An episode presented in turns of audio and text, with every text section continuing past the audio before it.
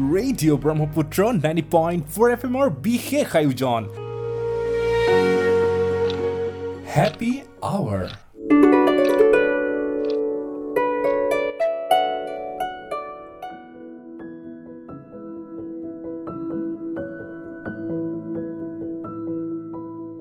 happy hour radio' ব্ৰহ্মপুত্ৰৰ মানসিক স্বাস্থ্য বিষয়ক এই প্ৰগ্ৰামলৈ আপোনাক স্বাগতম।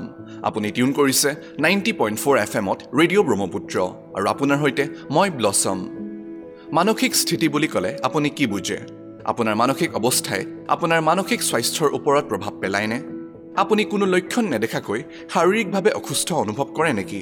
আপোনাৰ মানসিক স্থিতিয়ে আপোনাৰ শৰীৰতো প্ৰভাৱ পেলাইছে নেকি? কোনবোৰ কাৰকে বা কোনবিলাক কাৰণৰ বাবে আপুনি মানসিকভাৱে অসুস্থ অনুভৱ কৰিব পাৰে? মানসিক স্বাস্থ্যৰ সৈতে আপোনাৰ শৰীৰৰ কি সম্পৰ্ক আছে? মানসিক ৰোগৰ উপসৰ্গসমূহ কি কি আপোনাৰ আৰু মোৰ মনত খুদুৱাই থকা এনে কিছুমান প্ৰশ্নৰ উত্তৰৰ সৈতে আজিৰ আপোনাৰ অনুষ্ঠান হেপী আৱাৰ আৰু এই প্ৰশ্নসমূহৰ উত্তৰ আগবঢ়াবৰ বাবে আপোনাৰ সৈতে উপস্থিত আছে অসম চিকিৎসা মহাবিদ্যালয়ৰ মানসিক ৰোগ চিকিৎসা বিভাগৰ সহযোগী অধ্যাপিকা ডাক্তৰ সবিতা দিহিঙীয়া বাইদেউ।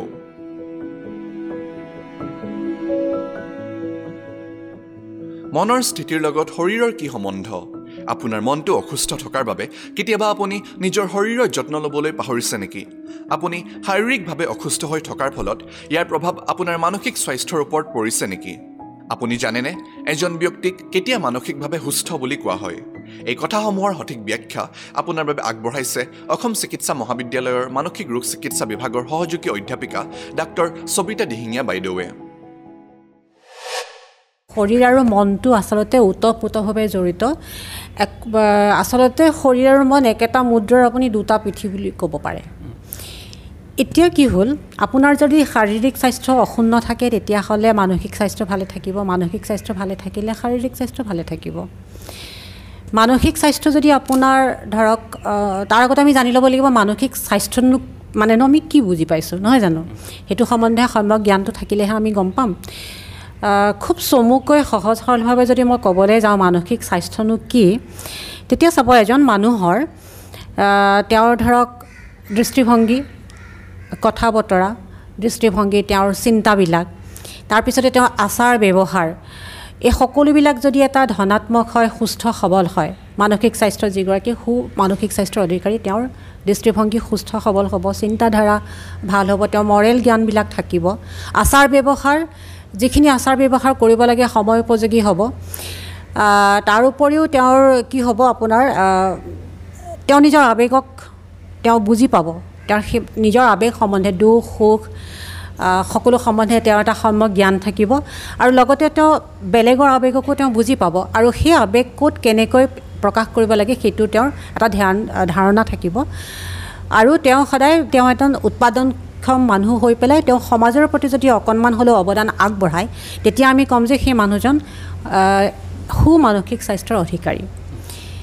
মানসিক স্বাস্থ্যটো যেতিয়া অকণমান হিনদেৰি হয় তেতিয়াহ'লে তেওঁ হয় তেওঁৰ মানসিক ৰোগৰ তেওঁ চিকাৰ হ'ব পাৰে। মানসিক ৰোগ বিভিন্ন ধৰণৰ আছে লঘু মানসিক ৰোগ আছে আপোনাৰ কিছুমান মেজৰ চাইকেট্ৰিক ডিজৰ্ডাৰ বুলি আমি কওঁ বিভিন্ন ধৰণৰ মানসিক ৰোগৰ তেওঁ চিকাৰ হ'ব পাৰে। তেওঁৰ ডিপ্ৰেশ্যন হ'ব পাৰে তেওঁৰ হয়তো বেলেগ ধৰণৰ এনেকুৱা ধৰণৰ বেলেগ বেলেগ ধৰণৰ তেওঁ মানসিক ৰোগত আক্ৰান্ত হ'ব পাৰে।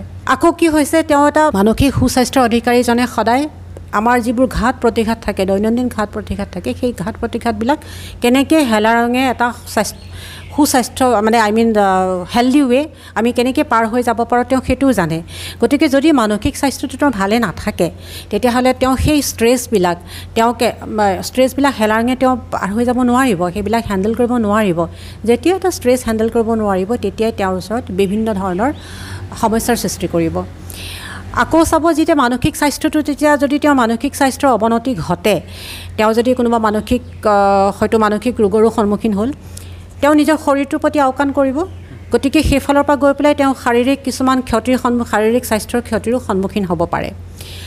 আকৌ কাৰোবাৰ ধৰক শাৰীৰিক ক্ষতি এটা হৈ আছে শাৰীৰিক স্বাস্থ্যৰ অৱনতি ঘটিছে। এইবাৰ মই শাৰীৰিক স্বাস্থ্য মানসিক স্বাস্থ্যৰ দৰে একেই কিন্তু এতিয়া শাৰীৰিক স্বাস্থ্যত মই ক'ম যে যদি তেওঁ শাৰীৰিক কিবা অসুবিধা তেওঁ ভুগিছে তেওঁ অসুখ এটা হৈছে দীৰ্ঘম্যাদী তেওঁৰ যেনিবা শাৰীৰিক এটা অসুখ হৈ আছে বেমাৰ হৈ আছে। তো সেইখিনি সময়ত কি হ'ব? তেওঁৰ সেই শাৰীৰিক অসুখবিলাকৰ কাৰণে তেওঁৰ আকৌ মানসিক ক্ষতিৰ সন্মুখীন হ'ব তেওঁ হয়তো হতাশাগ্ৰস্ত হ'ব পাৰে তেওঁৰ হয়তো এংজাইটি এনেকুৱা ধৰণৰ বিভিন্ন ধৰণৰ মানসিক ৰোগৰ চিকাৰ হ'ব পাৰে। তেনেকৈ তেনেকৈ ধৰক মোৰ এইমাত্ৰ মনলৈ অহা বেমাৰটো হৈছে ডায়েবেটিছ ডায়েবেটিছ যিটো চুগাৰ বেমাৰ বুলি কয় ন আমাৰ খুব সহজ হেৰিকৈ কয় চুগাৰ বেমাৰ বুলি কয় ব্লাড চুগাৰ লেভেলটো বাঢ়ি যায় ডায়েবেটিছ এতিয়া যিজন মানুহে দীৰ্ঘম্যাদী ডায়েবেটিছটো এটা দীৰ্ঘম্যাদী বেমাৰ ডায়েবেটিছৰ লগত এটা ডিপ্ৰেশ্যনৰ খুব এটা ওতপ্ৰোত সম্পৰ্ক আছে বহুবিলাক ডায়েবেটিছ ৰোগীৰ এটা সময়ত গৈ পেলাই আপোনাৰ ডিপ্ৰেশ্যনত ভোগা দেখা যায়। গতিকে এইদৰে আপোনাৰ মানসিক স্বাস্থ্য শাৰীৰিক স্বাস্থ্য মানসিক স্বাস্থ্যৰ লগত শাৰীৰিক স্বাস্থ্য জড়িত শাৰীৰিক স্বাস্থ্যৰ লগত মানসিক স্বাস্থ্য জড়িত। ঠিক এনেদৰে দুয়োটা ওতঃপ্ৰোতভাৱে সম্বন্ধ হৈ থাকে। আৰু সেইকাৰণে আমি যতন ল'লে মানসিক স্বাস্থ্য শাৰীৰিক স্বাস্থ্যৰ লগত আমি মানসিক স্বাস্থ্যৰো যতন ল'ব লাগিব। গতিকে বাইদেউৰ কথাখিনিৰ পৰা আমি বুজিব পাৰিছোঁ যে মন আৰু শৰীৰ দুয়োটাই এটাই আনটোক প্ৰভাৱিত কৰিব পাৰে। এজন মানসিকভাৱে সুস্থ ব্যক্তিয়ে দৈনন্দিন জীৱনৰ ঘাত প্ৰতিঘাত আৰু সমস্যাসমূহ ধনাত্মক উপায়েৰে সমাধান উলিয়াবলৈ সক্ষম হয়। আপুনি মানসিকভাৱে অসুস্থ হৈ থাকিলে ইয়াৰ প্ৰভাৱে আপোনাৰ শাৰীৰিক স্বাস্থ্য ক্ষতি কৰিব পাৰে। ঠিক একেদৰে আপুনি শাৰীৰিকভাৱে অসুস্থ হৈ থাকিলেও ইয়াৰ প্ৰভাৱ আপোনাৰ মানসিক স্বাস্থ্যৰ ওপৰত পৰিব পাৰে। গতিকে আপুনি নিজৰ শাৰীৰিক স্বাস্থ্যৰ লগত নিজৰ মানসিক স্বাস্থ্যৰ সমানে যত্ন লোৱাটো অতি প্ৰয়োজনীয়। এতিয়া মানসিক অসুস্থতাৰ উপসৰ্গসমূহ কি কি? কোনবিলাক অৱস্থা বা কাৰকে আপোনাৰ মানসিক স্বাস্থ্যত প্ৰভাৱ পেলাব পাৰে? আপোনাক কেতিয়াবা কিছুমান বিশেষ কাৰণে বা কিছুমান বিশেষ ঘটনাই মানসিকভাৱে অস্থিৰ কৰি তুলিব পাৰে নেকি? ইয়াৰ বিষয়ে এতিয়া আপোনাক জনাব ডাক্তৰ সবিতা দিহিঙীয়া বাইদেৱে মানসিক ৰোগ বিভিন্ন প্ৰকাৰৰ আছে। এইবিলাকৰ যদি আমি কাৰকসমূহ চাবলৈ যাওঁ আমি তেতিয়াহ'লে ক'ব লাগিব যে সেইবিলাকৰ কিছুমান জৈৱিক কাৰণ থাকে কিছুমান আপোনাৰ মনোসামাজিক কাৰণ থাকিব পাৰে। জৈৱিক কাৰণবিলাকৰ ভিতৰত চবৰে কাৰণে বেলেগ বেলেগ। জৈৱিক কাৰণৰ ভিতৰত এনেকুৱা হয় যে আমাৰ যিটো মগজুত কিছুমান ৰাসায়নিক আমাৰ দেহত কিছুমান ৰাসায়নিক পদাৰ্থ থাকে। সেইবিলাক সকলো মানুহৰে থাকেই স্বাভাৱিকতে থাকে। সেই ৰাসায়নিক পদাৰ্থবিলাকক আমি নিউৰ ট্ৰান্সমিটাৰ্ছ বুলি কওঁ। সেইবিলাকৰ যেতিয়া বেলেঞ্চটো যেতিয়া স্বাভাৱিক অৱস্থাত এটা বেলেঞ্চত থাকে সেইবিলাক। যেতিয়া সেইবিলাকৰ বেলেঞ্চটো তাৰতম্য ঘটে তেতিয়াই কিছুমান মান সেইটো সেই তাৰতম্য ঘটাটো মানসিক ৰোগৰ এটা লক্ষণ হ'ব পাৰে। কিন্তু এইটো নহয় যে অকল সেইটোৰ কাৰণে মানুহজনৰ এনেকুৱা ধৰণৰ মানসিক ৰোগৰ তেওঁৰ চিকাৰ হৈছে। সেইটো হ'ব পাৰে। কিছুমান হৰম'নছবিলাক থাকে নহয় আমাৰ দেহত থাকে। বিশেষকৈ আপোনাৰ ফিম যেতিয়া কিছুমান মানসিক ৰোগ আছে যিবিলাক আপোনাৰ গৰ্ভৱতী অৱস্থাত যেতিয়া হ'ব পাৰে কিছুমান আমাৰ সন্তান প্ৰসৱ হোৱাৰ পাছতো আমাৰ কিছুমান মানসিক ৰোগ হয়। সেইবিলাকৰ ক্ষেত্ৰত বেছিকৈ আৰু বিশেষকৈ আপোনাৰ যিবোৰ হতাশাগ্ৰস্ত সেইবিলাকৰ ভিতৰত কিছুমান হৰমনৰ কথা থাকে। হৰমনবিলাকো যেনেকৈ নৰ্মেল যিটো আমাৰ নিঃসৰণ হয় তাৰ বেলেঞ্চটো নাথাকে তাৰতম্য ঘটে। সেইটো এটা কাৰণ হ'ল তেনেকুৱা বিভিন্ন ধৰণৰ ৰাসায়নিক পদাৰ্থ আছে আমাৰ শৰীৰত যাৰ বেলেঞ্চ যিটো স্বাভাৱিক বেলেঞ্চটোৰ তাৰতম্য ঘটিলে সেইটো এটা মানসিক ৰোগৰ লক্ষণ হ'ব পাৰে। এটা হৈছে আপোনাৰ জেনেটিক্স যেনেকৈ বংশগত হ'ব পাৰে। বংশগত হ'ব পাৰে কাৰোবাৰ বংশত অসুখটো আছিলে হয়তো আগৰ বংশত আছিলে এতিয়াৰ বংশত নহয় তাৰ পাছৰ জেনেৰেশ্যনটোতো হ'ব পাৰে সেইটো এটা কাৰক হ'ব পাৰে। তাৰপিছত আপোনাৰ কি হয় কিছুমান থাকে আপোনাৰ তেওঁ ষ্ট্ৰেছৰ কথাও ক'লে যিবোৰ ক'লে যে এটা প্ৰব্লেম হৈ আছে প্ৰব্লেমটো ছল্ভ কৰিব পৰা নাই তেওঁ নিশ্চয় ষ্ট্ৰেছৰ কথা কৈছে। ষ্ট্ৰেছটো যদি ভালকৈ তেওঁলোকে অভাৰকাম কৰিব নোৱাৰে সেইটো এটা মানসিক ৰোগৰ লক্ষণ হ'ব পাৰে। কিছুমান মানুহৰ জীৱনত এনেকুৱা কিছুমান ঘটনা ঘটে যাক আমি লাইফ ইভেণ্টছ বুলি কওঁ। সেইবিলাক ঘটনাই কি কৰে মানুহজনৰ জীৱনটো এটা জোকাৰণি তোলে।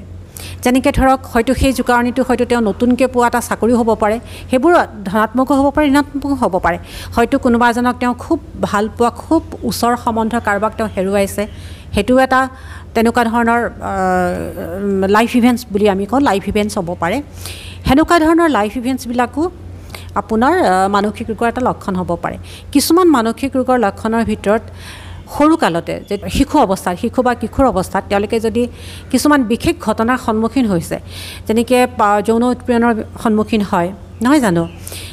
বহুবিলাকে তেওঁলোকে হয়তো ফিজিকেল টৰ্চাৰ কিছুমান নিৰ্যাতন যি বুলি কয় নিৰ্যাতন হৈছে শাৰীৰিক নিৰ্যাতন মানসিক নিৰ্যাতনৰ সন্মুখীন হৈছে সেইবিলাকেও এটা সময়ত গৈ পেলাই মানুহৰ মানসিক ৰোগৰ কাৰক হিচাপে আপুনি ক'ব পাৰে। এনেকুৱা বিভিন্ন ধৰণৰ কাৰক আছে। সামাজিক আছে মনোসামাজিক কাৰণ আছে যেনেকৈ আপোনাৰ যিবোৰ মই ক'লোঁ জৈৱিক কাৰণ এই গোটেইখিনি সমাহাৰতে এজন মানুহৰ মানসিক ৰোগৰ সৃষ্টি হয়। মানসিক ৰোগত তেওঁ ভোগে। এটাই কাৰণ বুলি আমি ক'ব নোৱাৰোঁ। গতিকে আমি বুজিলোঁ যে মানসিক ৰোগ বিভিন্ন কাৰণত হ'ব পাৰে। বংশগত চাপপূৰ্ণ পৰিৱেশ সৰুকালৰ কিছু ঘটনা ধনাত্মক বা ঋণাত্মক কিছু মানসিক চাপ পৰা ঘটনা ঋণাত্মক চিন্তাধাৰা বা ঋণাত্মক পৰিৱেশৰ সৈতে স্পৰ্শ স্বাস্থ্য হানিকাৰক অভ্যাস মাদক ড্ৰাগ বা নিচাযুক্ত দ্ৰব্যৰ ব্যৱহাৰ মগজু আৰু শৰীৰত ৰাসায়নিক পদাৰ্থৰ তাৰতম্য ঘটাৰ বাবে আৰু লগতে এনে বিভিন্ন ধৰণৰ জৈৱিক আৰু মনোসামাজিক কাৰণত মানসিক ৰোগ হ'ব পাৰে। এতিয়া এনে কাৰকসমূহৰ ফলত হোৱা মানসিক ৰোগসমূহ কি ধৰণে আৰু কেইটা ভাগত ভগাব পাৰি? এই ভাগকেইটা কি কি আৰু কেনেধৰণৰ? ইয়াৰ বিষয়ে আপোনাক চমুকৈ জনাব। অসম চিকিৎসা মহাবিদ্যালয়ৰ মানসিক ৰোগ চিকিৎসা বিভাগৰ স্নাতকোত্তৰ শ্ৰেণীৰ চিকিৎসক ডাক্তৰ ৰাগিনী সিনহানিয়াই। মানসিক ৰোগৰ বহুতবিলাক প্ৰকাৰ থাকে। এতিয়া আমি ৰোগবিলাক যদি জানিব বিচাৰোঁ কি কি ৰোগ হয় ভাগ কৰি দিব লাগিব। যেনেকৈ আপোনাৰ সৰু ল'ৰা ছোৱালীবিলাকৰ কেনেকুৱা ৰোগ হয় আপোনাৰ মিডিল এজ এডাল্টছবিলাকৰ কেনেকুৱা হয় আৰু আপোনাৰ এল্ডাৰলি এজ গ্ৰুপত কেনেকুৱাবিলাক ৰোগ হয় কাৰণ চবৰে লক্ষণবিলাক বেলেগ বেলেগ আৰু ডিজিজৰ নাম ডিচঅৰ্ডাৰ নামবিলাক বেলেগ বেলেগ হয়। যেনেকৈ আপোনাৰ এডাল্টছত যদি আমি যাওঁ তেতিয়া আপোনাৰ প্ৰথমতে আমি দুটা ভাগত ভাগ কৰি লোৱা হয় যেনেকৈ এটা চাইক'চিছ আৰু নিউৰচিছ বুলি কোৱা হয়। তো এতিয়া বুজিবলৈ দিগদাৰ হ'ব সাধাৰণ মানুহৰ কাৰণে চাইক'চিছ আৰু নিউৰচিছটো কি বস্তু?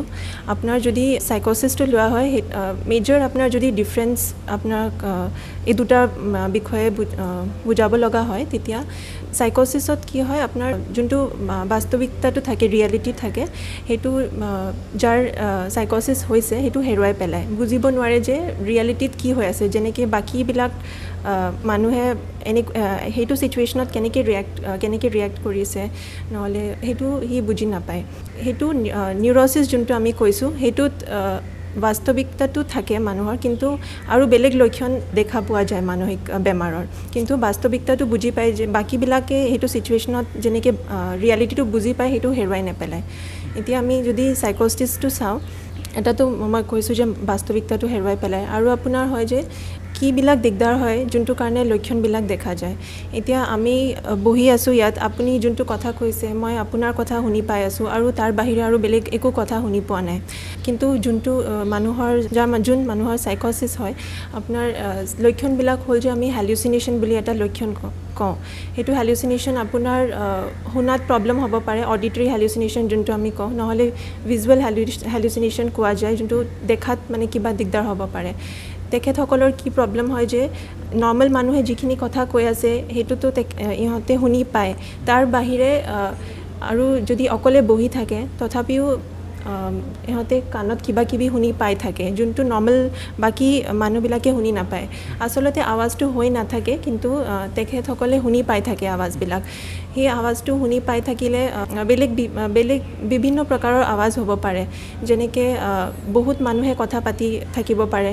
নহ'লে এজন মানুহে কিবা তেখেতক কৰিবলৈ কিবা কয় কামাণ্ড দি থাকে। সেইবিলাক হৈ থাকিলে পেচেণ্টৰ প্ৰব্লেম হয় ভয় লাগিব পাৰে। আপোনাৰ এতিয়া এইটো অৱস্থাত কি হ'ব কি নহ'ব এই আৱাজটো আৰু কোনো শুনি নাপায় বাকীবিলাকে বুজিও বুজিবও নোৱাৰে কি হৈ আছে। সেইকাৰণে প্ৰব্লেম হ'ব পাৰে। এইটো আপোনাৰ শুনাত হ'ব পাৰে নহ'লে কিবা কিবি চকুৰ আগত আপোনাৰ চকুৰ আগত কিবা কিবি দেখিব পাৰে যোনটো আনবিলাক মানুহে দেখি নাপায়। এইটো হ'ল আপোনাৰ হেলিউচিনেশ্যন যোনটো এটা চাইকচিছৰ লক্ষণ হ'ল। তাৰ বাহিৰে আপোনাৰ ডিলিউজন বুলি কোৱা হয় যোনটো সৰল ভাষাত বুজিব হ'লে আমাৰ যেনেকৈ যিবিলাক চিন্তা ধাৰণা হয় সেইটো ডিলিউজনটো আমাৰ এটা চিন্তাধাৰাৰ প্ৰব্লেম হয়। যোনটো পেচেণ্ট থাকে তেখেতে কিবা এটা ভুল ধাৰণা লৈ ল'ব পাৰে। যে মোৰ কথা কোনোবাই পাতি মোৰ মোৰ মোক কোনোবাই বেয়া পাইছে সেইটো হ'ব পাৰে যে ঘৰৰ মানুহক সন্দেহ কৰিব পাৰে নহ'লে বাহিৰৰ মানুহক সন্দেহ কৰিব পাৰে যে মোৰ কিবা বেয়া ভাবে মোৰ কিবা মোক মোক লৈ কিবা হিংসা আছে। কিন্তু আচলতে সেইবিলাক একো নাথাকে। কিন্তু তেখেতে সেইবিলাক ডেভেলপ কৰিব পাৰে চিন্তাধাৰাত। সেইবিলাক যদি বহুত বেছি প্ৰব্লেমেটিক হৈ যায় এনেইতো কেতিয়াবা আমিও ভাবিব পাৰোঁ। কিন্তু যোনদিনাখন আমি মানে বুজি পাওঁ যে সেইটো আমাৰ জাষ্ট ভাৱ এটা আছিলে এনেকুৱা একো নহয়। কিন্তু ডিলিউজন বুলি ক'ব হ'লে আপোনাৰ এই ভাৱনাটো আপুনি একেবাৰে পেচেণ্টক বুজাব নোৱাৰে যে এইটো আপোনাৰ ভুল ভাৱনা হয়। এনেকুৱা একো একচুৱেলি ৰিয়েলিটিত নাই। তেখেত এইটো বুজিব নোৱাৰে। তেনেকৈ হ'ল চাইকচিছৰ আপোনাৰ লক্ষণবিলাক।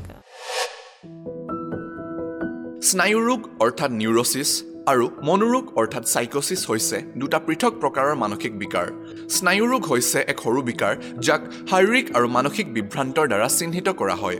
মনোৰোগ হৈছে ব্যক্তিত্বৰ সৈতে সম্পৰ্কিত এক ডাঙৰ বিকাৰ যাৰ বিশেষত্ব হৈছে আৱেগিক আৰু মানসিক ব্যাঘাত। আপোনাৰ মনটো সুস্থ হৈ থাকিলেহে আপোনাৰ শৰীৰটোও সুস্থ হৈ থাকিব। আপোনাৰ মানসিক স্থিতি সুস্থ হৈ থাকিলেহে আপুনি এক সুখৰ জীৱন যাপন কৰিব পাৰিব। কিন্তু তাৰ বাবে আপুনি নিজৰ মনটোক জানিব লাগিব বুজিব লাগিব।